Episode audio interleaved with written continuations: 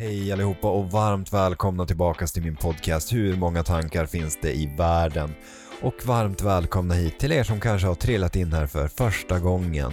Jag som sitter här bakom micken, ja jag heter Kristoffer Wall och i den här podcasten så försöker jag att fokusera på personlig utveckling och personlighetsutveckling. Och i det här avsnittet så har jag med mig min andra gäst, Rebecka Eriksson. I det här avsnittet så får vi ta del av hennes resa med cancer och den kamp som hon har gått igenom.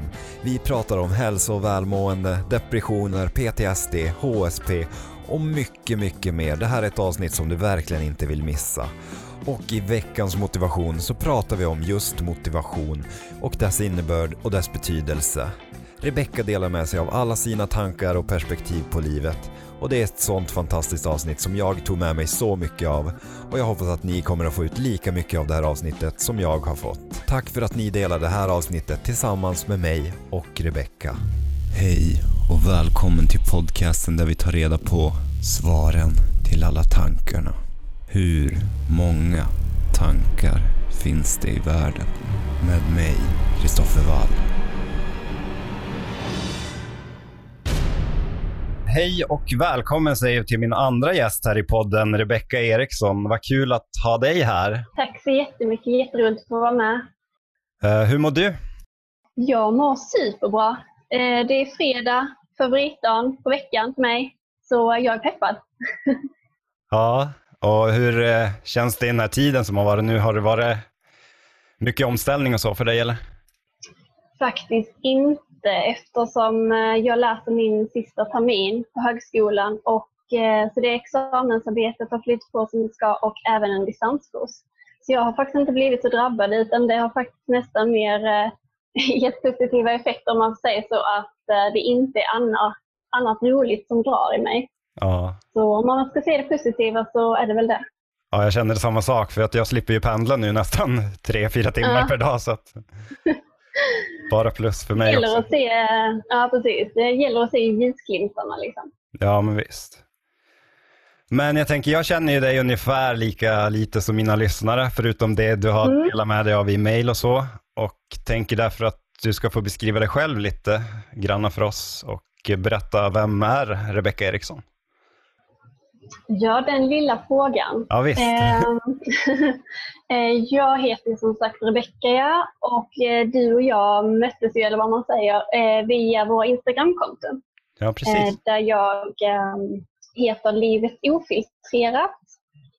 Jag bor i Skåne, vilket kanske i sig också avslöjas av dialekten. Jag är 35 och som sagt så läser jag till folkhälsopedagog på högskolan i Kristianstad. Läser min sista termin där så jag är färdig om två veckor.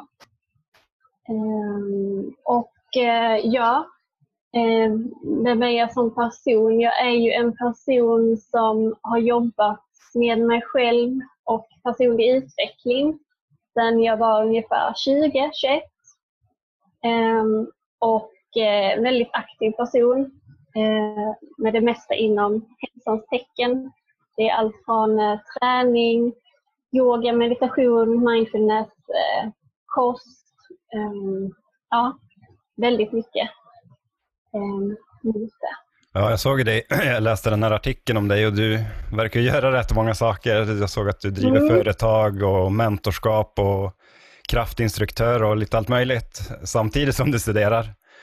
Så. Ja, varför, eh, varför ha en boll i luften när man tycker det finns mycket som är roligt? ja, precis. Eh, men, men eh, företag, driver det fortfarande? Ja, precis. Jag startade det 2015 och det är eh, en webbshop med eh, gravid och mammakläder faktiskt. Så helt annan gren. Ehm, och eh, så vi får väl se lite hur det blir efter detta året. Men nu är jag ganska taggad på att fokusera på, ehm, som sagt, nu när jag ut, avslutat min utbildning så får vi se lite vad som händer. Men ehm, absolut, den är kvar. Hur kommer det sig att du inriktade dig just på mammakläder och gravid, för gravida? Det var faktiskt, eh, jag har väl alltid haft både intresse för allt inom hälsa men också eh, mode, eh, design, allt kreativt, färg och form. Och jobbat mycket i klädbutik bland annat och när jag jobbade i en butik så kom det in mycket tjejer som var gravida så tyckte det var svårt att hitta kläder som passade, som ändå ville känna sig klädda.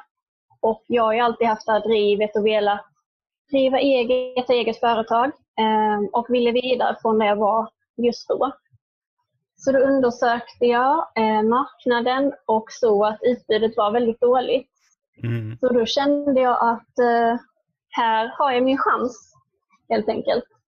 Eh, så eh, jag gick på mycket alltså mentorskap, eh, jag har gått mycket så här, nyföretagarcentrum och undersökt vad som behövs för att starta eget. Och sen gjorde jag det faktiskt helt enkelt och lärt mig otroligt mycket. Ja, vad häftigt. På de här åren. Och har väl också insett att det inte är lätt att driva företag. Nej, det förstår jag. Speciellt nu kanske det inte är optimalt. I och för sig, kläder behöver väl alla alltid, men... Precis. Men nej, jättebra lärdom, verkligen.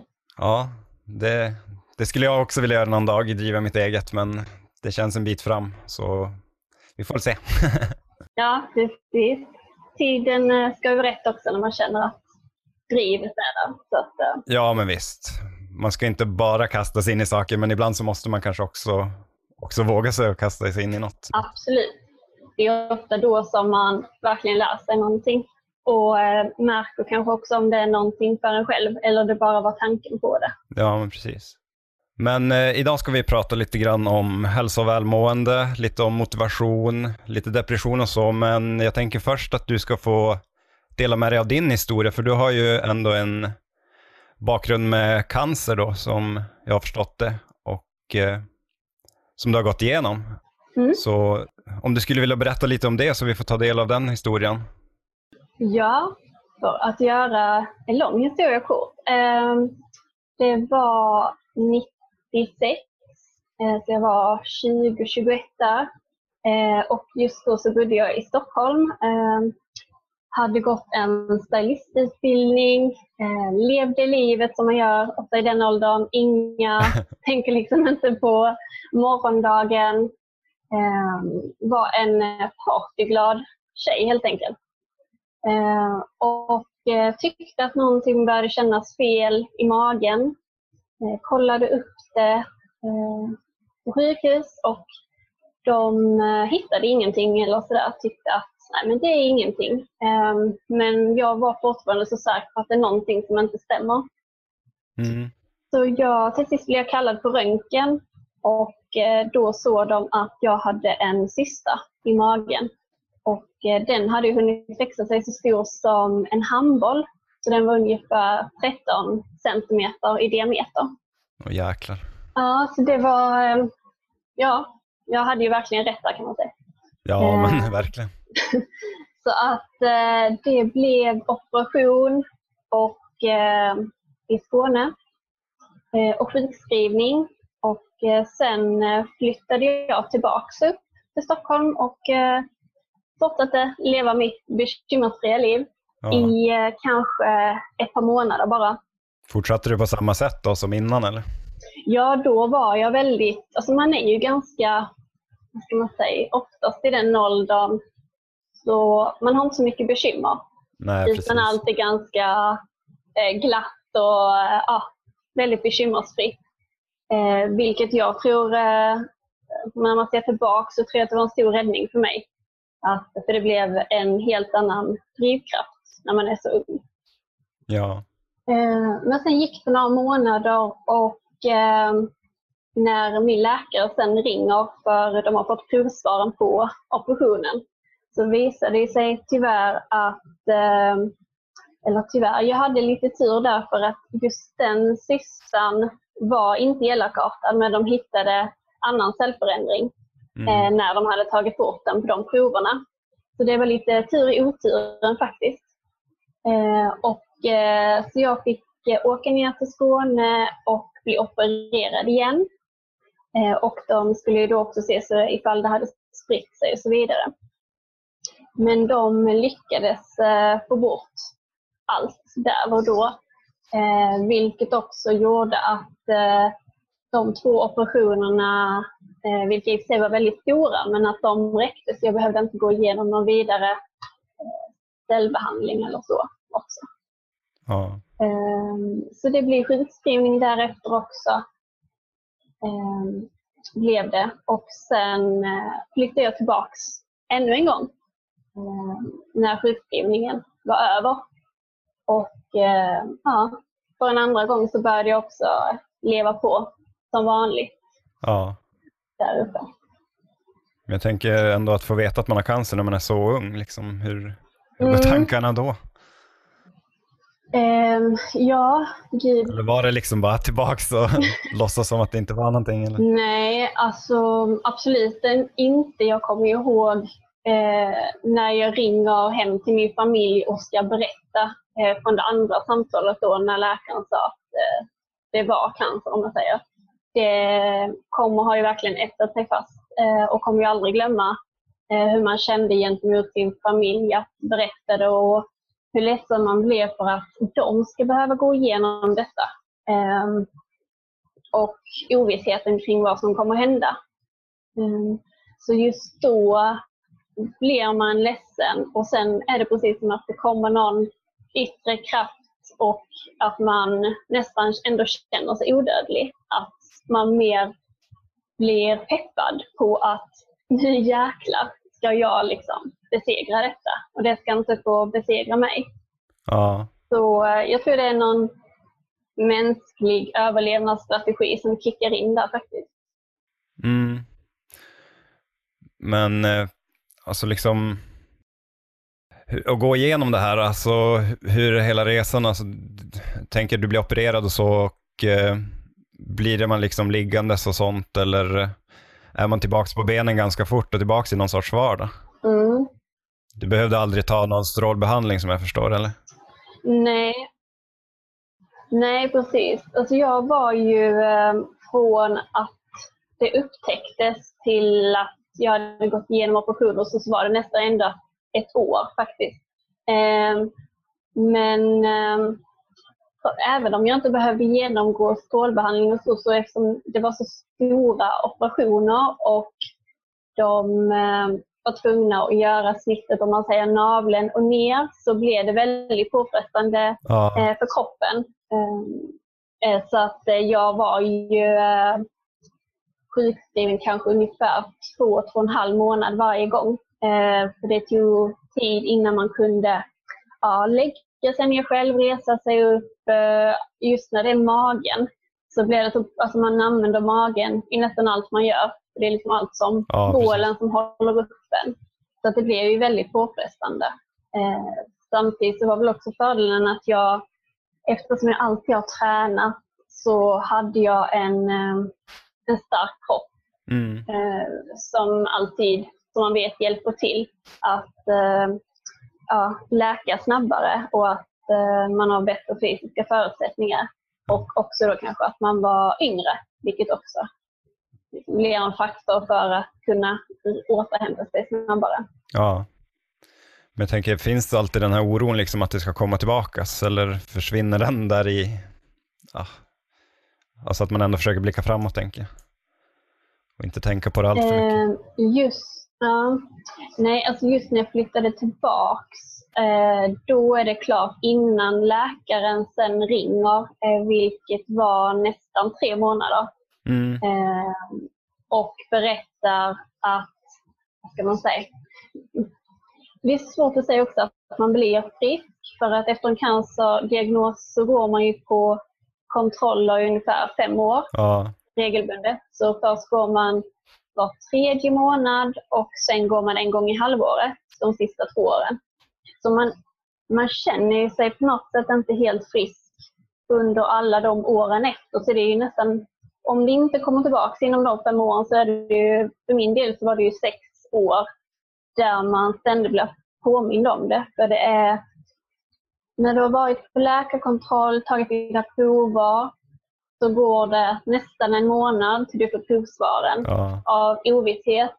Och sen är det kanske bara en, en och en halv månad till du ska dit igen. Så den processen är ju väldigt lång och väldigt eh, nedbrytande för en psyke. Mm. Just den här ovissheten. Ovissheten är ju nästan värre än på något sätt när du är sjuk. Eh, för att här ska du, säger alla att nu är du frisk. Fast på något sätt så blir man inte det för att man behandlas, eh, eller, ja, eller vad man ska kalla det, eh, hela tiden. Eh, så att, eh, och de här provsvaren till sist blir det ju att man nästan inte vet om man kan lita på dem och eh, nästan ännu värre sen när man skulle avsluta sina provtagningar så hade ju någonstans hade ju de blivit min trygghet. För att då bekräftade de att men jag är frisk. Ehm, så att jag var jätteledsen, konstigt nog, när jag skulle sluta och ta mina prover. För att egentligen skulle jag bara kunna andas ut och känna att nu är jag lika frisk som vem som, eller vad man ska säga. Ja, det var liksom svårt att känna Mm. att du var faktiskt frisk, eller vad man ska säga. Mm, precis, för då kände jag att när jag sen, när de sa nu kommer inte ta fler prover, så kändes det som att den tryggheten och den kontrollen jag hade haft under dessa fem åren, Mm. att den rycktes bort från mig. Att, ja, men tänk om det dyker upp igen och jag inte är medveten eller uppmärksam på det. Så eh, allt är på något sätt en, eh, en ständig kamp, eller vad man ska säga, eh, som man tvingas hantera. Ja, jag tänker det. Det blir, blir som en trygghet liksom att ha de här kontrollerna och det tänker jag också. Ja, verkligen. Men jag tänker sen efteråt liksom att man blir friskförklarad. Alltså, vad händer då? då? Liksom, får man någon hjälp efter, alltså hur man ska ta sig tillbaka och hantera oron och sånt? Eller är det sånt man får tag, tag i själv då? Ja, eh, nu är ju detta en del år sedan så jag hoppas ju att mycket av eftervården har blivit bättre. Eh, samtidigt Mm. så vet jag med tanke på vad jag är utbildad som och att jag känner fler som är eller har varit drabbade att tyvärr så är eftervården eh, den som först ryker när inte pengar finns. Eh, så att Eh, Jag fick ingen eftervårdsbehandling alls, varken eh, då psykiskt eller fysiskt. För att kroppen blir på något sätt aldrig sig lik igen eller den eh, fungerade inte som den gjorde innan. Och eh, det psykiska kom ju, för min del så kom det två månader efter eh, mitt friskförklarande, eller vad man ska säga, då när Ja. jag bodde i Stockholm. Så att den psykiska påfrestningen då, den fick jag ju själv jobba med.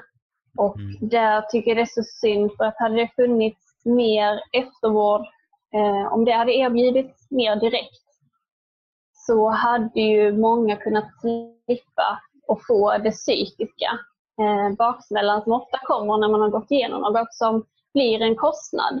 Eh, så eh, det är jätteviktigt för mig och det är verkligen något som jag vill lägga fokus på att se vinningen i snabb eftervård för patienter istället för att se vilka kommer eh, drabbas senare av ofta psykiska eller fysiska besvär eller både och, och sen behandla det. Ja, jag håller med. Alltså, det måste ju vara bättre att friskförklara någon ordentligt liksom, än att lämna någon som är, som sagt, som kanske får psykiska problem senare istället. Ja, verkligen. Men eh, hade du bra stöd och så från familjen? Ja, gud. Eh, min familj, som tur är, så har jag just den turen att ha en väldigt nära och stöttande familj. Ja, Ehm, och nu bodde jag ju visserligen ungefär 60 mil från dem när detta hände. Mm. Men som sagt så gjorde jag ju operationerna här i Skåne. Och eh, som sagt, när min, eh, jag hamnade ju då i ångest och depression. Ehm, när jag hade fått veta att jag egentligen var frisk. Ehm, men stödet betyder ju supermycket såklart. Men samtidigt så till sist så är det en själv bara som kan hjälpa sig. För att även om de såklart finns där och ger stöd så kan dels ha ju de sin egen sorg i det hela, hur de ska hantera det själva. ja. Ehm, och sen är det också att de kan ju aldrig Eh, förstå helt vad det är jag själv har gått igenom. Eh, både då fysiskt, psykiskt. Eh, vetskapen på något sätt om att från en dag vara en partyglad eh, 20-åring till att nästa dag ha lärt känna helt andra sidor av sig själv och många jag kände själv att jag förändrades från en person till en annan över en natt.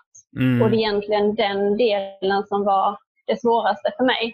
Att behöva känna, nu tycker inte jag som mina andra vänner eller jag uppskattar inte samma saker. Jag känner inte samma eller ser inte andra saker på samma sätt som de gör. När jag vet att jag gjorde det för en vecka sedan. Ja. Ehm, så det var faktiskt det tyngsta. För att man är ganska sökande vem man själv är i den åldern också. Ja, ehm, absolut. Så det var ju svårt såklart för ens vänner då att förstå den här snabba vändningen samtidigt som man själv var så medveten om hur pass mycket ens personlighet hade ändrats.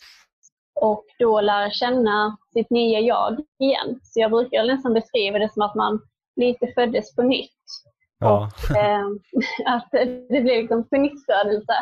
Eh, och den biten var väl nästan det svåraste. För det kunde också bli lite en sorg, att man kände att den där delen av mig liksom togs ifrån mig så himla snabbt. Ja. Och eh, nu måste jag lära mig att acceptera att detta är mitt nya jag. Ja, så det skulle jag säga var bland det svåraste. Mm. Gick du i någon terapi eller något sånt själv? Ja, absolut. Jag, eh, jag har gått eh, ganska mycket eh, för att bearbeta olika delar i eh, sorgen som det blir.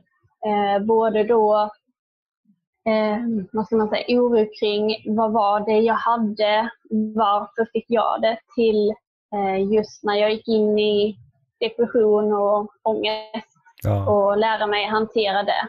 Eh, så absolut, mycket terapi och eh, egen terapi därefter. Ja, absolut. Uh, går du i terapi idag eller? Nej. Inget? Nej, jag eh, avslutade, det var faktiskt ganska några år sedan nu, som mm. eh, jag gick min sista terapitimme. Som sagt, jag gick ändå terapi i ganska många år och kom till en punkt där jag kände att jag har bearbetat så mycket nu, allt som har varit. Eh, och nu måste jag få eh, ja, försöka inte lämna det, för det är ständigt närvarande mer eller mindre varje dag på något sätt. Mm. Men att eh, blicka framåt och eh, ta tag i detta med mina egna verktyg som jag har fått. Ja. Du pratar lite grann om brist i eftervården här. Vad känner du att du har saknat liksom och vad önskar du det fanns för typ av eftervård i framtiden, om vi säger så? Mm. Eh, som sagt, jag hade ju hoppats på att man såg vinningen i snabb eftervård eh, för, de, för nästan alla patienter. Ja. För som sagt, när jag som då när det hade gått det här året, jag varit sjuk och jag kommer ihåg läkaren ringde mig. Jag gjorde sista operationen där i mars, januari någon gång. Och han ringer mig nej förlåt, december, januari någon gång gjorde jag sista operationen. Ah. Och sen ringer han mig i mars och säger ah, du är frisk.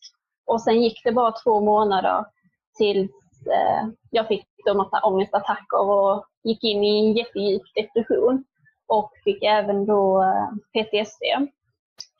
Um, och då känner jag att som sagt, hade man fått snabbare eftervård så hade man haft en jättestor vinning i att sätta in det tidigare. För att hade någon frågat mig i mars så hade jag inte känt eller trott att jag skulle må dåligt. För då kände jag att nu, nu är jag ju frisk så att nu ska jag må bra. Ja. Eh, så jag tror faktiskt just det att alla ska ges i alla fall några samtalstider för oftast så har, går det en tid eh, och sen kommer, sen blir det på något sätt kroppens urladdning när allt får landa och det är då allt kommer över en.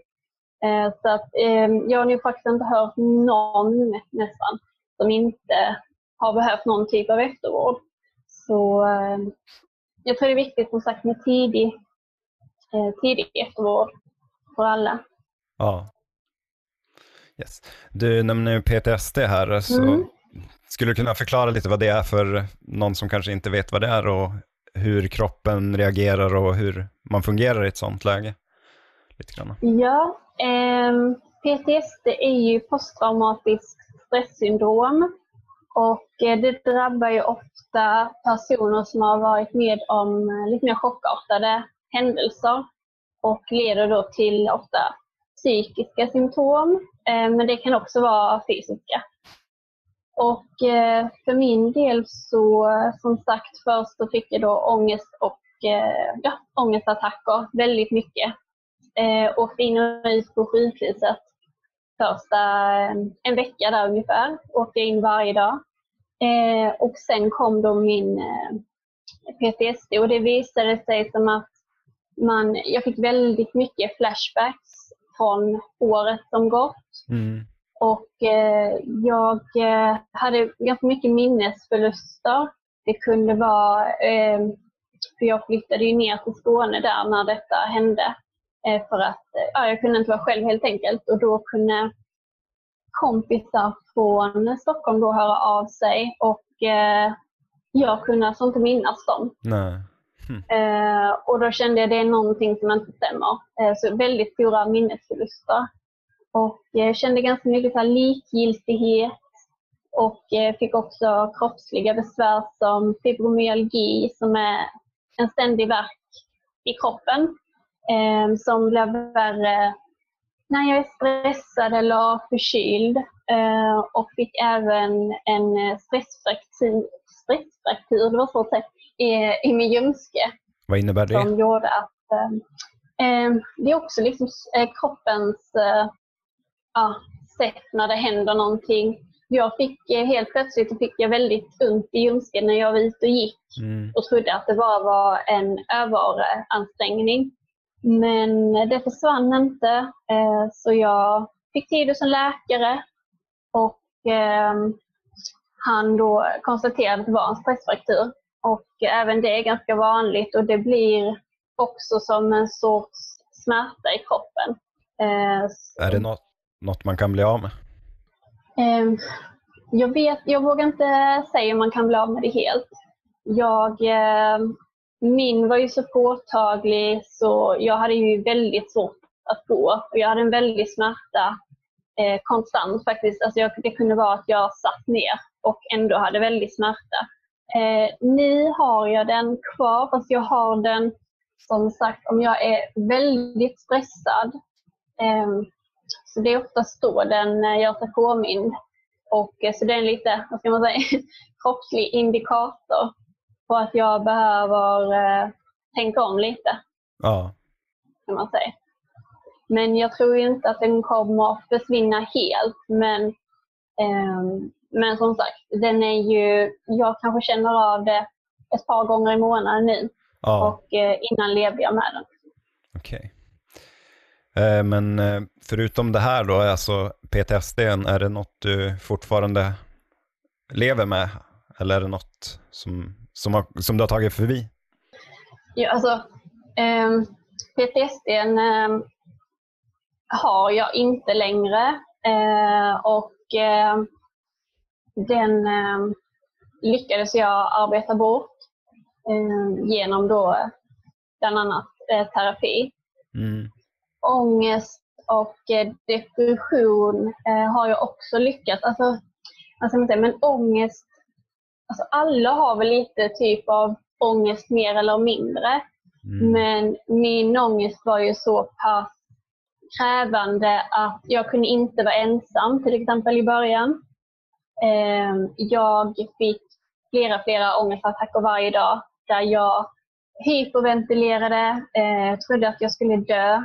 Jag fick eh, andas i påse för att underlätta andningen och eh, efter de ångestattackerna så blir man, ja, man behöver sova för att det är så uttömmande.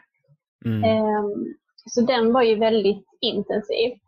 Idag så, alltså absolut att ångesten kan göra sig påmind. Jag har inte haft ångestattack på väldigt många år, men det är klart jag kan känna lite som de som har haft ångest vet hur det snörper ihop i halsen att det känns verkligen som att man inte har någon kontroll över sin andning. Ja, men visst. Men jag har ju också jag har jobbat så pass medvetet med den i så många år så att nu kan jag hantera den och när jag känner någonting så vet jag att ja, men okej, det beror på det eller det. Mm. Så jag kan hindra det innan. Ja, precis. Ja, jag tänkte ju att vi skulle prata lite om depression och ångest här lite längre fram, men nu när du liksom har tagit upp det så kan vi fortsätta lite grann på ämnet. Alltså hur eh, hanterar du det idag? Eh, nej men det är nog lite som jag sa att jag har ehm, jobbat väldigt medvetet med det. Eh, jag vet vad som fungerar och inte fungerar för just mig. Mm. Eh, jag har mina verktyg som jag tar till. Ehm, så att alltså när man är i det så tänker man att ska det aldrig kunna försvinna på något sätt. Eh, och jag kan verkligen säga att jag var väldigt djupt nere i både ångest och depression. Ehm, och jag tror att när man säger ångest och depression så är det många som lätt kan blanda ihop det.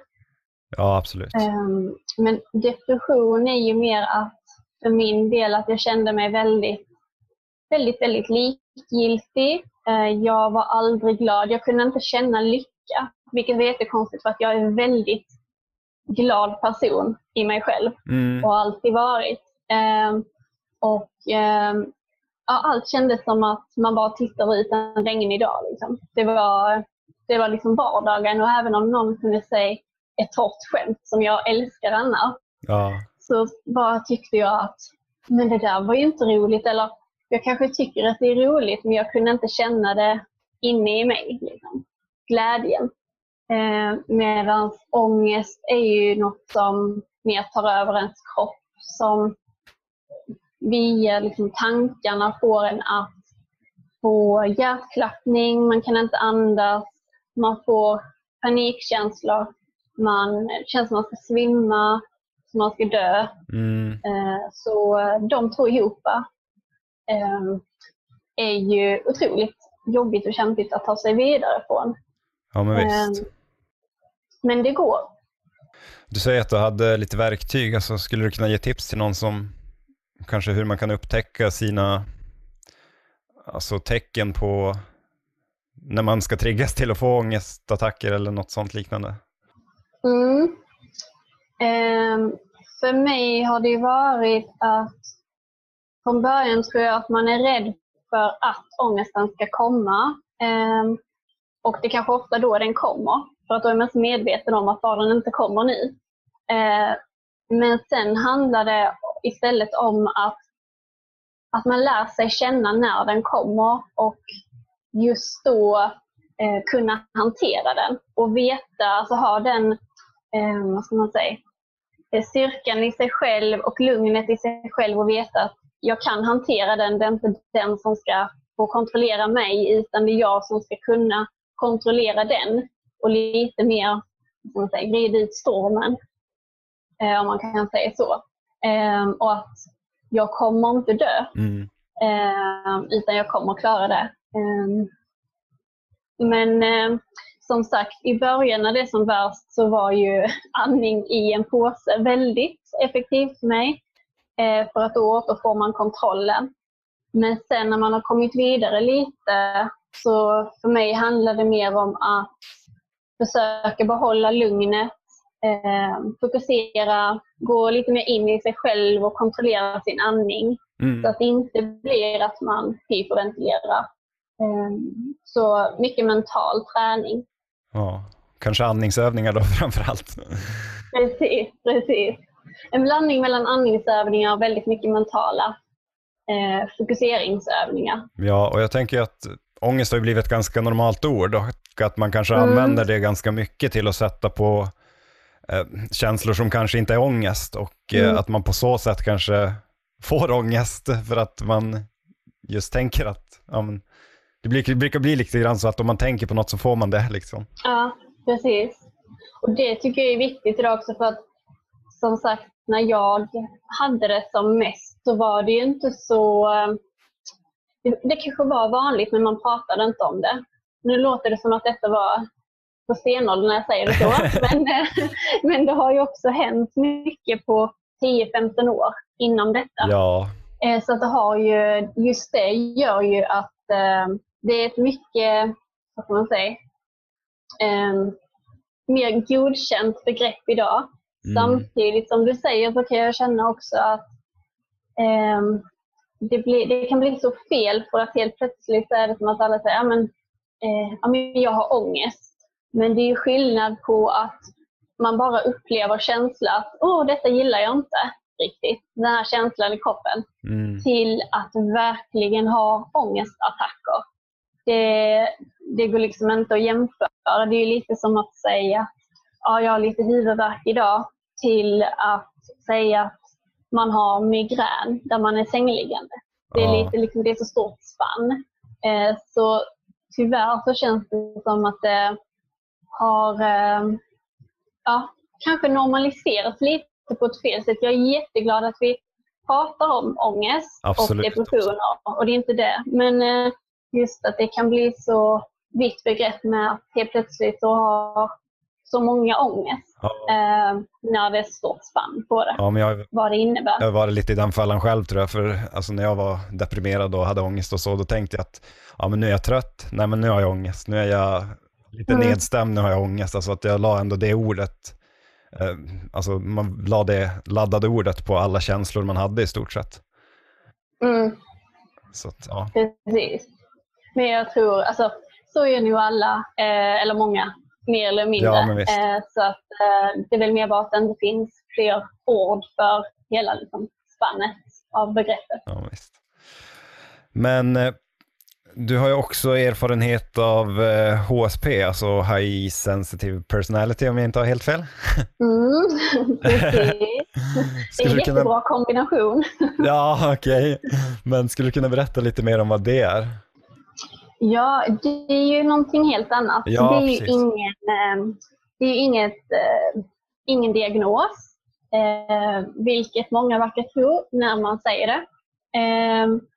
Jag, alltså jag har ju alltid känt att det har varit någonting sedan jag var liten, men jag har inte kunnat, eh, eller dels så, så visste jag inte vad det, vad det innebar, liksom begreppet, jag hade aldrig hört talas om det.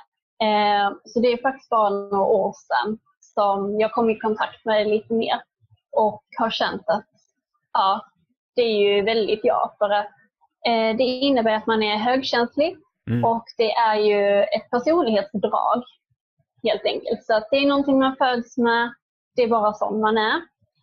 Eh, och det är ju absolut inget som är liksom, medicinerande eller som, eh, även om det inte skulle vara fel om det var så, det är inte så jag menar, men mer bara att det bara är som man är. Mm. Eh, och eh, det innebär att eh, eh, man kan vara på ganska olika spann också bland Ja. högkänsliga. Vissa är mer introverta och vissa, vissa är mer extroverta. Eh, men man kan säga generellt att det handlar mycket om att man tar in allas känslor, alla andra människors känslor. Eh, det kan vara svårt att skilja på vilka är mina känslor, eh, vilka är de andra personernas i rummets känslor. Eh, mycket att eh, det kan vara, är du ute i naturen så blir allt så himla intensivt som Ja. du ser och hör eller luktar. Och man har ofta väldigt stark intuition. Det kan handla om vad andra, man kan veta vad andra tänker. Det kan också vara eh, vad som kommer hända. Eh, man kan få väldigt stark intuition att någonting kommer ske eller att någon kommer säga något speciellt. Så i början kunde jag nästan tro att, att det blev liksom så övernaturligt alltihop. Ja. Att hur, hon kommer säga så. Och sen så säger tjejen så eller han så. Och då kan man känna, men hur kunde jag veta det? Jag synsk började jag nästan tro fast ändå inte. Och just att man, man är ofta väldigt eh, liksom, lite hög kan man säga det. Att man eh, blir väldigt eh, energisk. Man är väldigt energisk person och gillar när det händer saker. Och Mm. eh, det ska göras nu på en gång. Man har, även om jag sitter här nu med dig och spelar in detta, så har jag tio andra tankar och idéer samtidigt. Så det kan vara ganska svårt att fokusera Mm. på en sak. Har du hittat någon sorts strategier där då? Ja, alltså jag tror att jag har väl lärt mig, Eller, eh, men jag har eller jag tänker bara, hjälper det bara om man är medveten om det liksom? Att det kanske hjälper en? Och... Ja, alltså, ja, absolut. Det hjälper ju att man är ve- medveten om det för då vet man varför har jag alltid känt så här eller upplevt så här. Och Ja. Jag ofta ju fått höra, men åh, hur hinner du eller hur orkar du? Kan du inte fokusera på en sak? Vi har alltid så haft många bollar i luften, älskar det. Och sen eh, just det här att, men ja, kan du inte bara bestämma dig? Och då har man själv känt att ja, det hade ju varit skönt om jag kunde tycka att en sak var jätterolig och bara veta att jag vill göra det för resten av livet. Mm. Men samtidigt så bara den tanken får ju mig själv att känna mig helt inlåst. Utan jag får ju energi av allt jag gör. Ehm, och den är jätteviktig. Samtidigt så vet jag ju att när jag kommer på en tanke så skulle jag ju vilja, vilja att den tanken gjordes igår. Alltså det blir så svårt att liksom... Jag känner igen mig så mycket. ja, vad bra. Du kanske sätter den här personlighetsdraget för dig efter gör podden. det. Ehm, men just det här att hejda sig själv lite. Att inte kanske tänka två gånger. Samtidigt så, för mig så har det varit jätteviktigt. Jag har, som sagt, man kommer på tusen tankar varje dag. Eh, hade man gjort alla tankarna så hade man fått ha mycket fler timmar på dygnet. Även om man som HSB är ganska effektiv, för man Mm. vet vad man vill. Man vill så mycket. Samtidigt så kan det bli så lätt att starta upp mycket saker och kanske inte avsluta allt. Ja, det där är så jag. Herregud. Ehm, så för mig så har det varit viktigt att jag har mitt block ehm, där jag skriver ner alla tankar som inte alla tankar som dyker upp, för det hade, inte, det hade blivit många sidor per dag, men de tankarna som ändå stannar kvar i Ja. mitt huvud för jag känner att ja, men, där är någonting. Så jag bara får ner dem på blocket så kan jag alltid komma tillbaks och titta på dem sen och känna, är det fortfarande något som är aktuellt eller var det bara en tanke som slog mig i stunden? Eh, det blir ett väldigt långt eh, svar på Ja, det- högkänsliga. Jätteroligt. Men det, men det är faktiskt också en grej när man är HSP att man ofta kan flumma iväg Ja. när man pratar.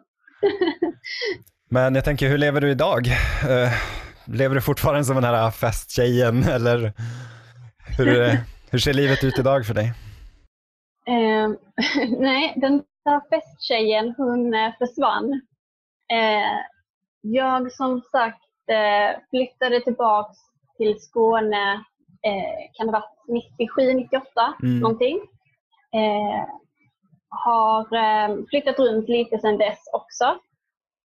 Men idag så, som sagt, jag är färdig folkhälsopedagog om två veckor. Yay. Har, eh, ja, woo! alltså det har gått så fort de här två åren. Ja, men det gör ju det. Ja, det känns så konstigt när jag själv säger det. Man är på något sätt inte riktigt där, även om man är så peppad på att få eh, komma ut och arbeta och få tillämpa sin kunskap och allt som, jag, som har varit min drivkraft under dessa åren. Ja, Så känns det såklart också skrämmande på ett sätt. mm. Eh, nej, jag lever ju väl- väldigt lugnt liv. Även när det inte är corona. Eh, så att eh, det är inget pressande för min del. Eh, jag, eh, vad ska man säga, ja, jag tränar ju en del.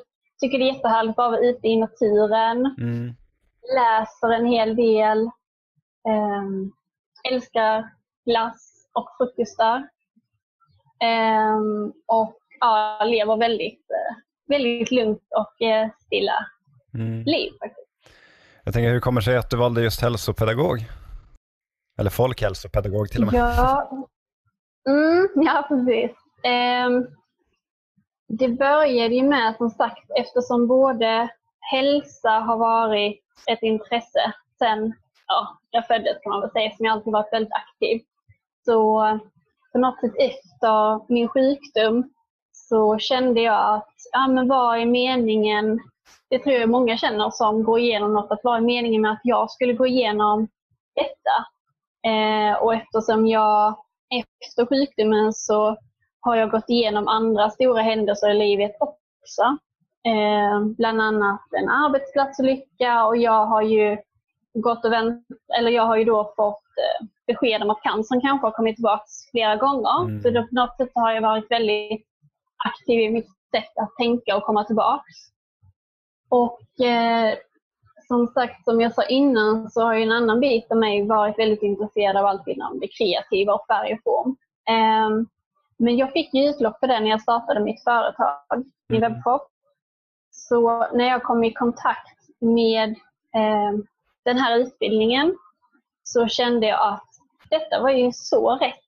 Vad härligt. För, ja, alltså så um, jätte, jätte underbart. Och jag tror också som sagt att de som har gått igenom något, när man känner lite sitt varför, eh, var just att jag ville hjälpa andra att få hjälp eftersom inte jag fick någon eftervård.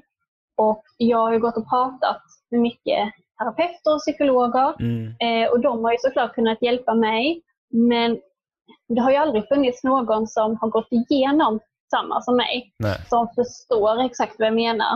Eh, och jag har ju haft vänner och familj, eller en familj med släkt, som också eh, tyvärr eh, haft cancer.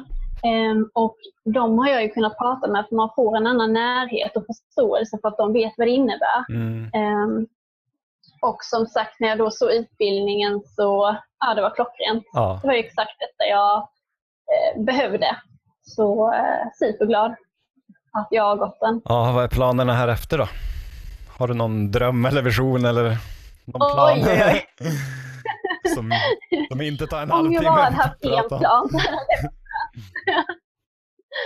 um, nej, men jag hade faktiskt lite föreläsningar inbokade här i uh, april, maj som tyvärr har fått ställas in. Ja. Så jag hoppas ju, och det är också det som är mitt mål med eh, min Instagram, att jag vill kunna motivera och inspirera andra som har gått igenom jobbiga saker och mm. även om man inte har gjort det så vill jag inspirera till att man kan må bra igen. Väldigt, väldigt bra. Mm. För speciellt när jag hade ångesten, depressionen och allt bara är mörkt och svart så kunde jag aldrig tänka att hur tusan ska jag kunna må bra igen? Eh, och idag så jag har nog aldrig varit så levnadsglad som jag är. Så, att, eh, så jag vill jättegärna fokusera på till exempel föreläsningar. Mm. Tycker det är jätteroligt, vilket är jättekonstigt också. Och det kan ju också inspirera till för att jag är en ganska introvert person egentligen. Eh, men, och det kanske man kan tro. Eh, men det har ju varit en målstolpe att pusha mig själv när jag började mitt Instagramkonto.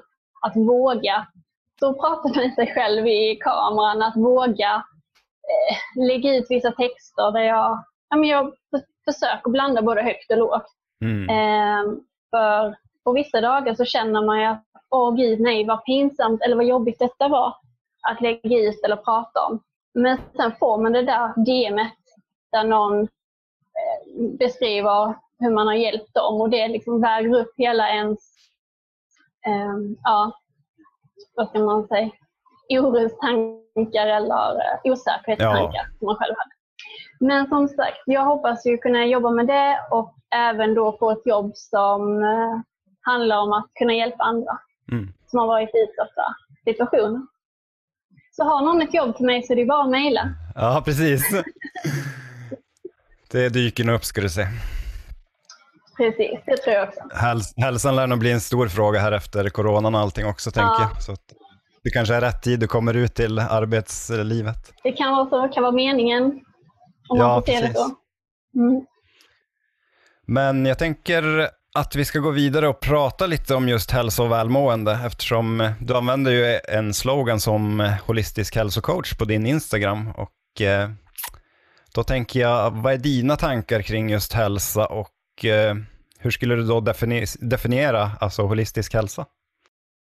Ja, alltså holistisk är ju för de som inte vet så handlar det om att man ser till helheten. Och det är jätteviktigt eh, för mig. Eh, Mm. det, alltså, det kan vara en person som kanske har en supervältränad kropp men den här supervältränade personen, det behöver ju inte definiera hälsa. Eh, Den personen kanske har ett jättetrasigt psykiskt mående. Så för Mm. mig, eller tvärtom såklart. Eh, Så för mig handlar det om en balans både i det fysiska, psykiska och mer mentala måendet. Att det är som ett kretslopp. Jag kan eh, må jättebra men kroppen kanske inte känns där. Eh, och det är lite där också vad man definierar hälsa som. Eh, för mig så, för om man tar exempel som när jag faktiskt hade cancer, så då är man ju, då är ju definitionen, då är man ju inte egentligen frisk. Men man kanske inte känner sig eller upplever sig sjuk. Så det är väldigt, eh, eh, det är ju ens egen balansgång på något sätt.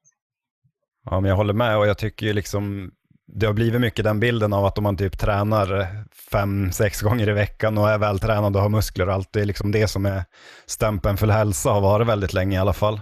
Mm. Att vi ändå börjar jobba oss eh, ut ur det känner jag mer och mer. Mm. Eller så är det bara för att jag har blivit mer uppmärksam på det själv kanske och intresserad för ett bredare spektrum av hälsa om vi säger så. Mm. Nej, men, eh, ja, nej men jag tror det som du säger. Dels så har det nog blivit ett bredare begrepp och jag tror också många har vågat dela med sig mer av alltså, psykisk ohälsa. Mm. Ehm, och kanske då också att det är på något sätt lättare idag med Instagram till exempel. Och alla andra sociala medier. Precis.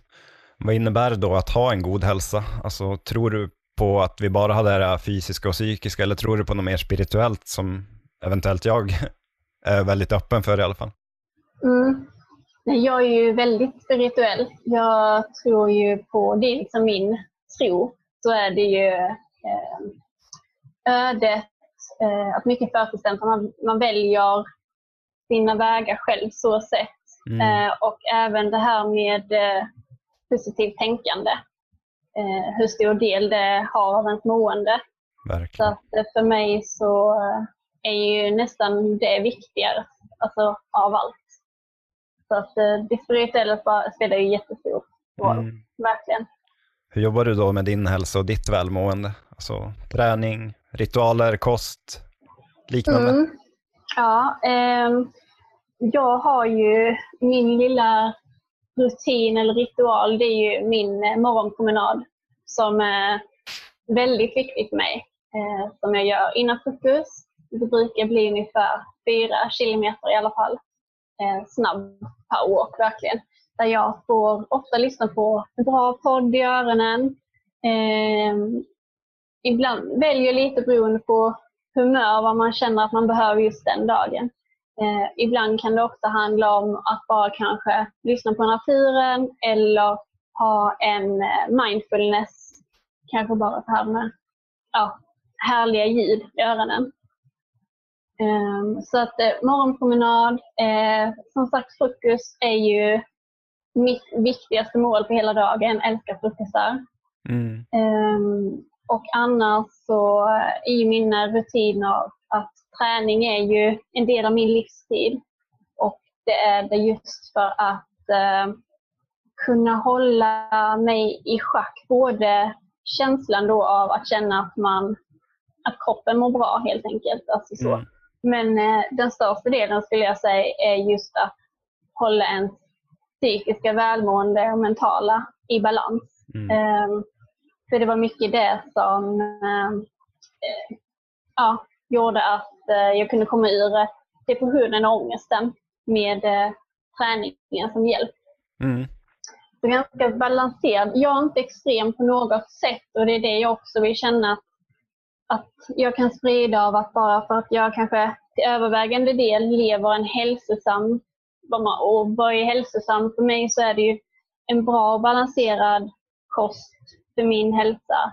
och träning och jag använder mig mycket av, som sagt, av mentala övningar. Mm. Men jag är ju också den som eh, jag äter glass på helgen och liksom unnar mig saker. Jag sätter inga förbud mot mig själv eller att jag bara får göra något en viss dag eller så. Eh, och eh, det har väl just mycket med att man har varit sjuk att göra att jag gör det jag känner för. Att jag ska inte ha några eh, förbud mot mig själv utan att jag känner in vad vill jag, när vill jag göra det och mer försöker göra en balanserad livsstil utifrån det istället. Ja, och det tycker jag är, det är den bilden man får liksom när man följer ditt konto också. Det är ju verkligen, det känns ju precis som ditt namn, väldigt ofiltrerat, alltså naturligt på något vis. det låter bra. Du har inte ljugit i alla fall. Nej, inte för mig i alla fall. det är bra. Men eh, jag läste i din artikel här liksom att balans i livet, alltså inre och yttre balans och harmoni, är viktigt liksom för dig. Och eh, vad innebär då inre och yttre harmoni för dig? Är det just det här du pratar om här, liksom att hitta balansen eller? Ja, precis. Um, ja, men det är nog precis som jag beskrev, just med inre och yttre. Att mm. Det är den holistiska, holistiska helhetssynen på, mm. På, eh, på ens eget liv och, och välmående och att inte stirra sig blind på, för det är också så lätt idag, att stirra sig blind på hur andra lever och hur de mår av det och att jämföra sig. Um, att istället liksom se till sig själv, känna in vad mår jag bra av. Att, alltså absolut att det är bra att pusha sig själv men att det blir till en gräns där man ändå själv mår bra och inte tracka ner på sig själv och känna att om man inte liksom, kanske då går och tränar som man hade tänkt idag ja. så kan det bli en väldigt ung cirkel där man slår ner på sig själv. Utan istället då se till att ja, men det kanske var vad jag behövde precis idag. Idag kanske jag behövde bara lägga mig på soffan för återhämtning. Vilket också kanske gör att morgondagens pass kanske blir än mer givande för mig. Eh, utan verkligen då att man vågar känna in och inte går efter normen utan lika olika som vi är på utsidan är vi på insidan. Mm. Och just som du nämnde här med sociala flöden tycker jag också har varit en väldigt viktig grej för mig. Tidigare har jag ju följt mycket sådana som jag har känt har lagt lite måsten på mig, att jag måste gå och träna och nu försöker jag istället ha liksom ett flöde där jag känner att jag får inspiration och känner att jag vill träna istället mm. eller vill ha en hälsosam livsstil. Inte att det ska kännas som ett måste och göra massa mm. grejer och försöka tävla mot andra. Nej men precis. Att, ja. Nej men precis, som du säger, just att ta inspiration från andra eh, och kunna ta till sitt liv mer än att känna att det de gör är så man måste leva. Eh, för att eh, till exempel då man kanske följer stora influencers kanske, så tror jag att det är viktigt att veta att det är ju deras jobb, det är det de ja, lever på till exempel. Eh, Medan sitter jag själv på kontor eh, mellan sju och fyra så kanske inte jag har möjligheten att leva exakt som de gör eller kanske gå till resor så mycket som de gör gå till träningar så mycket som de. Men just att influeras av dem. Ja. Eh, mer än att eh, ja, tracka ner på sig själv. Och influencer har ju blivit ganska brett begrepp nu också. Det är ju mm. verkligen. Precis. Men eh, när mår du som bäst? Alltså hur ser livet ut för dig när du mår som allra bäst? Um, när jag mår som allra bäst så känner jag att jag har just balans mellan mm. alla de här tre delarna som jag pratade om. Det fysiska, psykiska och mentala. Um, ja. Att det blir ganska ja, harmoni i min känsla i, i kroppen. Um, då mår jag ju som allra bäst. Sen absolut så kan jag ju, får jag en idé och går upp i den idén och blir väldigt eh, entusiastisk eh, så jag, kan ju det också vara en sak som jag mår väldigt bra av för stunden. Eh, och som eh, trissar mig när min energi går igång. Mm. Men sen kan det också vara när det blir så högt, just för att man är ofta HSP, så innebär det ju att i nästa stund så kan det vara som att all kraft går ur en. Eh, men då har man ju också mått väldigt bra i den där höga stunden när man levde på alla endorfiner och kickar från det. Så eh, det är viktigt med den där eh, balansen där man känner ja, harmonin. Liksom. Men är rutiner väldigt viktigt för dig eller lever du mer fritt? Alltså, du gör lite som du känner dag till dag? Eh, nej, men jag, jag vet ju själv att jag mår bra av rutiner. Mm. Och sen är det inte att jag har hur många rutiner som helst som jag måste följa slaviskt. Utan jag gillar ju att hitta på spontana saker också för det är också något som ger mig energi. Mm. Eh, när det, amen, det kan vara en så liten sak som att vi åker ut på en utflykt. Liksom, som, och det kan ge enormt med energi som jag kan leva på länge. Eller bara ett miljöombyte. Men som sagt, jag har ju vissa moment som ja, jag verkligen behöver. Mm. Då tänker jag att vi är klara med den punkten, om inte du vill säga något mer om hälsa och välmående?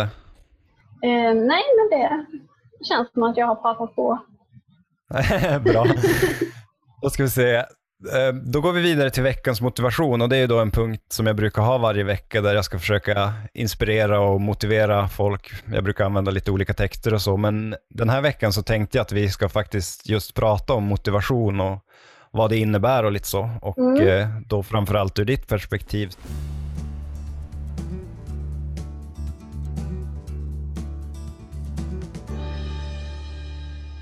Så hur skulle du då definiera motivation? Ja, motivation för mig är eh, en drivkraft som får mig att för mig själv vilja prestera bättre. Inte för någon annan. Mm. Eh, och där eh, motivationen gör ju att den rutinen eller det jag gör får mig att må så mycket bättre på alla planen. Så eh, ja, den blir min morot liksom, att jobba vidare på. Mm. Och vad motiverar dig? Oj, det finns så mycket. Eh. Ja, det kan vara väldigt, eh, väldigt olika. Det beror lite grann på vad det är, men om du bara kan säga lite generellt. Mm. Nej, men ofta så, med mycket som jag gör, så har jag eh, både delmål och större mål. Mm. Eh, och det blir ju också drivkraften till att uppfylla dem som blir min motivation.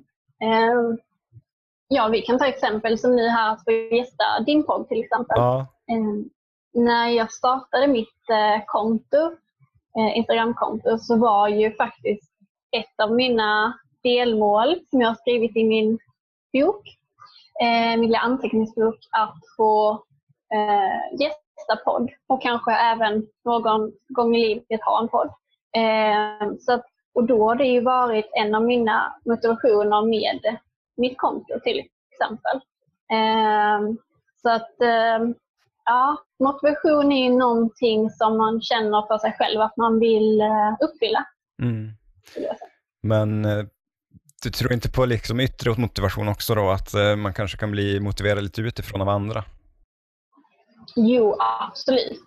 Och det är ju, jag känner lite att de går hand i hand. Så det är mm. inte så att jag måste göra något själv som motiverar min inre motivation, utan mer att med inre motivation känner jag mer att det är någonting jag gör för mig själv, inte för någon annan. Men yttre, absolut, och det handlar om detta att influeras av andra eh, och inspireras.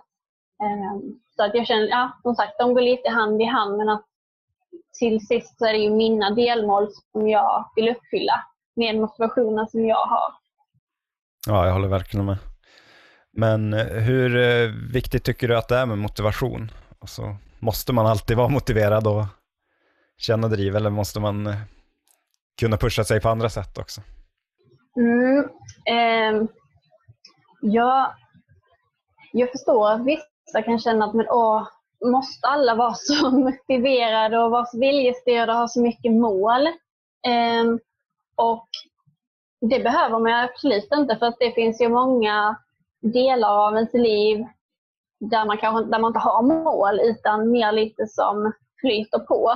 Mm. Eh, men jag tror att det är viktigt att ha några punkter där man är lite mer viljestyrd mot att komma till en viss punkt eller någonting som man kanske aldrig kommer till det slutgiltiga målet men där man har delmål som man hela tiden uppfyller för sig själv. Kanske bara som handlar om att eh, eh, bli lite gladare för varje dag eller må lite bättre för varje dag eller våga göra någonting nytt mm. just detta året. Så att eh, absolut inte att det ska gälla allt i ens liv.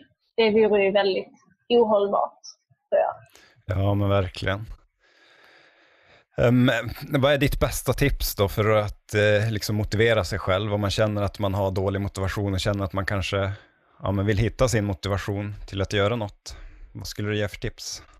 Um, ja, men att verkligen så här, konkretisera vad vill jag uppnå?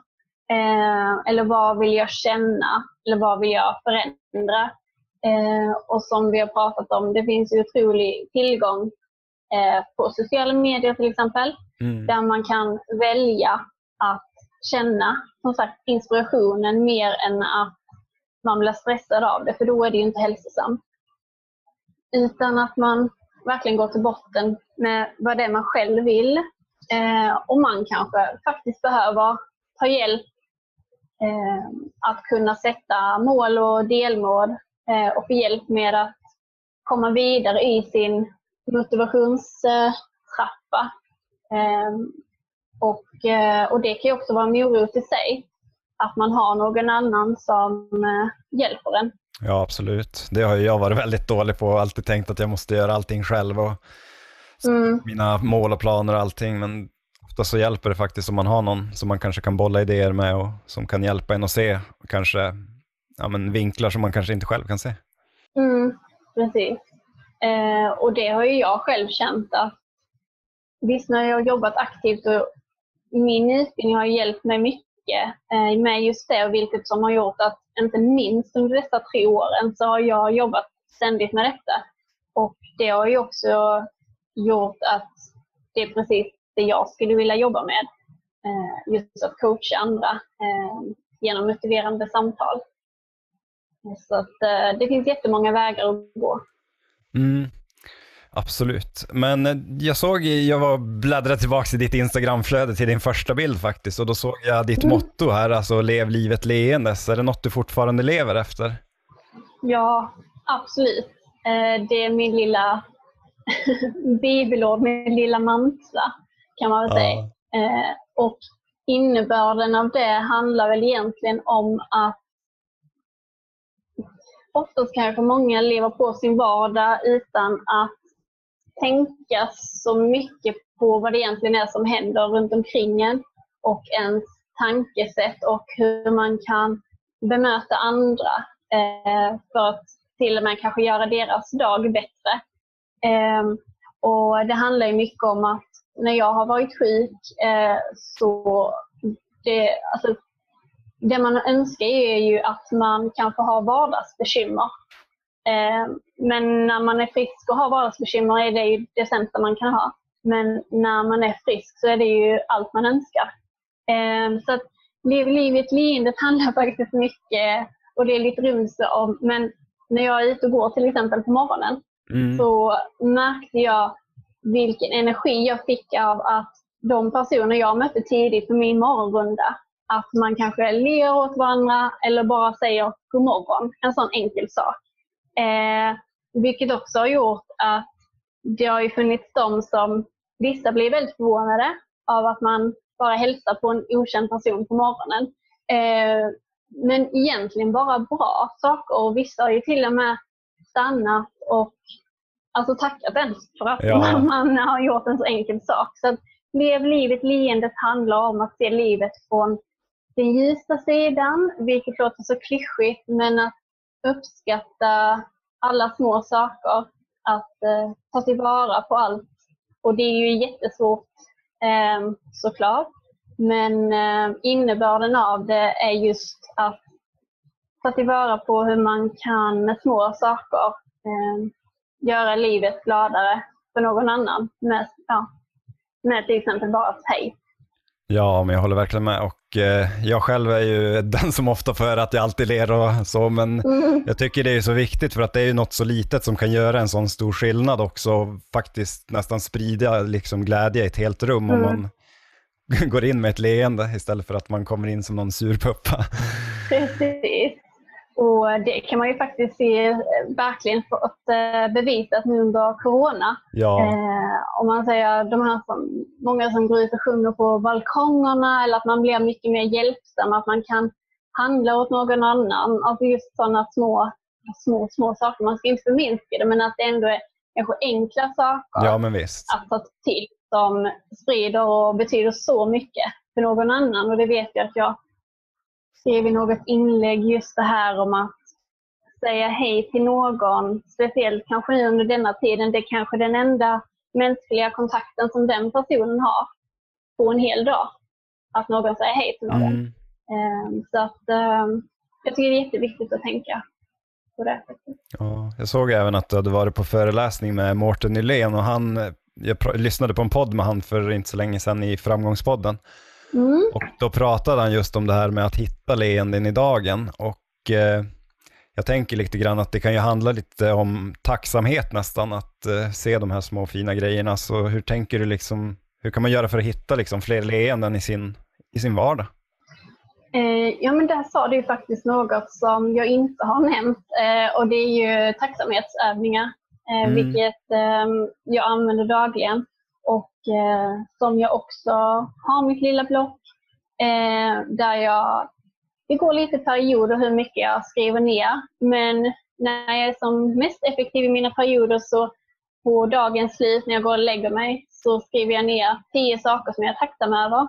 Ja, Och det kan vara ja, att, det var, att solen sken eller att ja, det kan vara att jag åt en jättegod glass idag. Det kan vara väldigt, både sådana små saker men det kan ju också vara att jag fick mitt drömjobb. Ja, ja men visst. eh, för att eh, det hjälper ju en att faktiskt när man läser det här sen för sig själv så rym, uppryms man ju av känslan av tacksamhet när man har det i skrift och inser eh, ja, vilken härlig känsla det är. Ja, Eh, verkligen. Vilket kanske är lätt att eh, bara för det här få en reflektion av eller bara en snabb tanke av under dagens gång. Men som sagt, när man ser det nedskrivet så blir det så, så nära på något sätt. Ja, jag tycker just den övningen är extra viktig, för jag skriver också och gör tacksamhetslistor. Alltså när man mår lite dåligt och kanske känner att man har haft en dålig dag och då tycker jag det är extra viktigt liksom att göra den här övningen, för då kan man verkligen se att wow, det fanns ändå något bra i den här dagen. Mm. Precis. Det blir, eh, ja det är det. Jo, men det är så mycket tankar som flyger i ens huvud eh, under en hel dag. Men eh, som sagt, när, när man får sortera bland alla sina tankar och man får ner liksom, de tio, eh, till exempel tio bara ett exempel, det är inte så att man måste skriva tio, men så blir det så konkret som sagt och att eh, ja, det får en verkligen att känna efter. Mm, verkligen.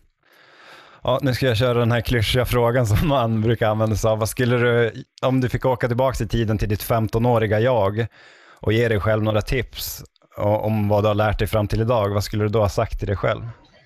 Um, då skulle jag ha sagt um, tro på dig själv, um, tro på din intuition. um, bry dig inte om vad andra tycker. Ehm, för att det är ju ditt liv och det är ju det du ska leva så som du vill. Ehm, och vänta inte eh, i den mån man såklart kan. Eh, få saker gjort som du känner att men detta vill jag. Eh, det kanske inte blir som du hade hoppats eller som du trott eller tänkt dig.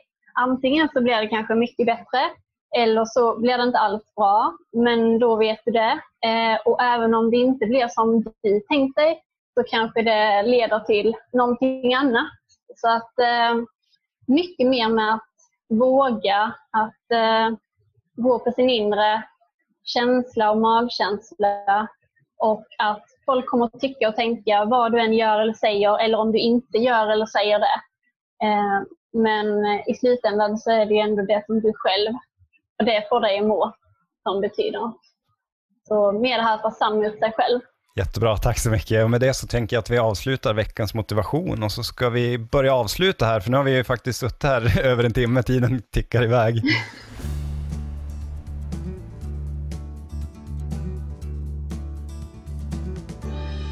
Men jag tänker, vad är nästa steg i livet för dig efter utbildningen här? Eller framtidsplaner generellt kanske? Ja. Mm. Nej men nu är jag ju i, eh, som sagt, eh, rent eh, jobbmässigt så är jag ju i jobbsökartagen. Eh, där jag håller på att eh, antagligen nu då eh, forma ett nytt företag som har med motivationsföreläsning. Man kan anlita mig som hälsocoach där det kan innebära då som sagt motiverande samtal. MI kallas det, vilket handlar om att man lägger upp delmål och mål och planer eh, inom det området som man vill utveckla sig inom. Eh, och det kan handla både om eh, psykiskt, fysiskt, mentalt eller allihopa. Mm. Och sen så handlar det ju om, för min del så blir det också att ja, det är ju söka jobb och förhoppningsvis njuta av en fin sommar eh, där jag dessvärre ska inleda den med en operation. Eh, men det kommer ju gå jättebra. Ja, självklart. eh, och eh, sen eh, ja, få använda mig av mina verktyg efter den och få mm. Eh, fokusera på vad jag vill göra och ta nya tag till hösten. Ja, jag får ge dig samma tips som min terapeut Lasse sa. Våga tro på dig själv, använd din kompetens. Det tycker jag var så precis. viktigt, för jag, jag är alltid sådär att jag håller mig själv tillbaka lite grann och ja. tänker att det kan vara bra att ha med sig, att bara våga. Mm. Jo, men det tycker jag är lite viktigt som han sa, därför det har jag hört så många att man kan ha så svårt att tro på sin egen kompetens, att detta kan jag. Det känns som att man nästan lurar andra, men att man så här, med fake till gemiki, men att man måste våga tro på det man själv faktiskt kan och kan bidra med. Ja, han sa det. Vad, vad, spelar det för roll om du har kunskap om du inte använder den? Då är den ju värdelös. Precis. Så att, eh, ja, men eh, vart ser du dig själv om tio år? Om du får drömma lite. Om tio år, då är jag 45. Eh, då vill jag eh, ha ett inspirerande jobb eh, där jag får verkligen motivera och inspirera andra till välmående. Att Ehm, jag fortfarande kan hantera den här balansen i livet. Jag, rent personligt så hoppas jag att jag bor i ett hus vid havet, naturen. Eh, ja, att jag eh, Ja, hur personlig ska man vara? att jag... ja, det, är, det är upp till dig. Nej, men att jag eh, har träffat eh, mannen i mitt liv och eh, har barn helt enkelt. Ja, vad härligt. Ja. Ja, och om man vill komma i kontakt med dig eller följa dig, hur gör man det lättast? Om man vill ställa frågor eller bara följa med dig i livet mot den här tioårsplanen? Mm, ja, den är spännande. Eh, nej men lättast är som sagt att eh, följa mitt Instagramkonto, mm. eh, Livet ofiltrerat, eh, där jag som sagt försöker eh, dela med mig av både högt och lågt i livet. Och eh, där kan man också mejla mig. Och då kan man antingen mejla, jag har två mejl, det går bra vilket som, eh, livetinfiltrerat1 gmail.com eller Rebecka med två C Eriksson, SCOSS85 gmail.com. Mm. Eh, men det står i min, eh, i min bio också där på Instagram. Så att, eh, ja, jag tänker att jag lägger ut det i informationen till avsnittet också så att det finns där. Ja, så där, där är väl lättast att nå mig när det gäller detta. Mm. Och eh, känner du då att vi har glömt att prata om något eller något som du skulle vilja ta upp så här innan vi börjar avsluta? Um, är det nog bäst att jag håller där för att... Det finns säkert mycket men... Kommer jag nog börja pladdra vidare och då får du inte stoppa mig. Så att, eh, ja. jag tror att vi håller där. kanske blir fler avsnitt i framtiden, man vet aldrig. Ja. Ja, vi får nog satsa på det. Men du pratade om sommaren där och jag tänker eftersom sommaren ändå är en hörnet och det kanske blir en lite annorlunda sommar i år och eh, vad skulle du då säga att eh, de tre viktigaste sakerna för en lyckad sommar? Eh, en lyckad sommar för mig handlar om att den lediga tid man har, vilket kanske blir ännu mer i år för många, eh, att man försöker se det positiva i den lediga tiden. Mm. Att, eh, vad hade man gjort om man skulle jobbat men önskade att man hade kanske fler veckor ledigt, att man fyller det med sånt som man mår bra av. Att eh, jag älskar ju att bada, jag är ett vattendjur så att eh, det tycker jag är jättehärligt. Eh, äta mycket glass. Ja, det är viktigt. Och, eh, ja, det är det. Och bara den här känslan av att inte behöva ha alla måsten som man kanske har resten av året. Mm. Att eh, kunna njuta av det också. Ta dagen lite mer som det kommer, även om det kan vara jättestort, innan man kommer ner i ro. Eh, så eh, att det kanske faktiskt är just det vi behöver också ibland. Mm. Jättebra tips där och jag tänker också just nu att man har extra chans att vara med familj och så också, och få den chansen. Jag Mm. tycker själv, jag jobbar mycket inom restaurangbranschen och så, och man ser den här stressen på semestrarna, föräldrar som är helt hysteriska där inne i restaurangen. Ja. Att man kan faktiskt kanske satsa på att umgås hemma och bara ha det lugnt och skönt. Ja, precis. Ja, men med det så vill jag tacka för att du ville vara med här i min podd och eh, delta och dela dina tankar och din historia och ditt perspektiv på de här ämnena som vi har pratat om. Jättetack verkligen. Tack själv. Jag är jätteglad att jag fick gästa och eh, jag var otroligt nervös innan, både nervös och peppad. Eh, för det är första gången jag är med i någon podd. Men eh, jättestort tack. Jätteroligt. Ja, det gick ju hur bra som helst. ja, men tack så mycket och hoppas att du får en fin vecka och en fin helg här nu eftersom vi sitter här på fredag och spelar in. Så tack, tack. Tack själv.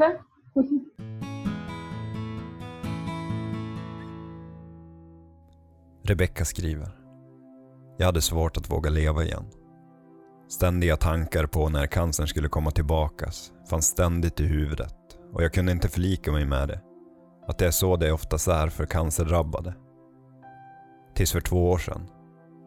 De upptäckte åter en cysta. I benet denna gång. Flera veckor gick jag ovetandes om vad prov och röntgen skulle visa. Tills jag till slut fick beskedet. Den är inte farlig. Från den dagen så lovade jag mig själv att våga börja leva igen. Och tro mig, det har jag gjort och gör. Som du kanske sett på min Instagram så går jag sedan en månad tillbaka på ständiga kontroller, röntgenprovtagningar och läkarkontroller. Då jag har en knut bakom mitt ena öra. För några veckor sedan så fick jag veta att den inte utvecklat cancer än, men att den kan göra det. Så nu har samma karusellsnurr kommit upp till ytan igen. Men jag kan den. Jag känner mig nästan trygg i den. På något märkligt sätt. Så nu väntar en operation i juni. Jag svarar. Först vill jag tacka så jättemycket för att du delar med dig av din historia. Jag sitter här med tårarna i halsgropen just som jag har läst klart. Inte för att jag tycker synd om dig, utan för att din historia gör mig lycklig. Ja, lycklig. Det kanske låter konstigt, men det är precis sånt här jag älskar att ta del av i livet. Personer som dig som verkligen vågar leva oavsett vad livet kastar på dig. Vilken fantastisk person du är. Så jäkla imponerande, modig och stark. Saker som hade fått många att falla och inte vilja resa sig igen har fått just dig att ställa dig upp gång på gång på gång. Större och starkare än innan. Jag kan inte bli annat än imponerad, motiverad och samtidigt vara tacksam.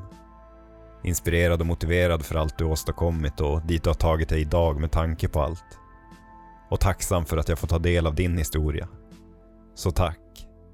Verkligen tack för att du delar med dig av allt detta. Efter att ha suttit här och klippt och spelar in de här äh, sista orden här så kan jag inte annat än tänka att visst är det konstigt när ens största otryggheter ändå blir till en sorts trygghet och äh, en person som kan se liksom bortanför det otrygga och se ljuset där i tunneln och se bortanför det som som egentligen borde dras ner. En person som kämpar och inte tappar hoppet. En person som Rebecka. som ställer sig upp gång på gång på gång. Det är något som inspirerar mig i alla fall. Jag hoppas att det här avsnittet har gett dig någonting och att du tar med dig någonting ifrån det. Och glöm inte att surfa in på Rebeckas flöde och ge henne en like eller en tummen upp och lämna en kommentar och visa tacksamheten för att hon ville vara här och dela med sig av sin historia, sina perspektiv och tankar kring de ämnen som vi har pratat om här idag. Ha nu en härlig vecka tills vi ses nästa söndag med ett nytt avsnitt och ett nytt ämne här i min podd Hur många tankar finns det i världen? Sköt om er och ta hand om varandra och er själva. Kram. Mitt namn är Kristoffer Wall och det här är min podd Hur många tankar finns det i världen?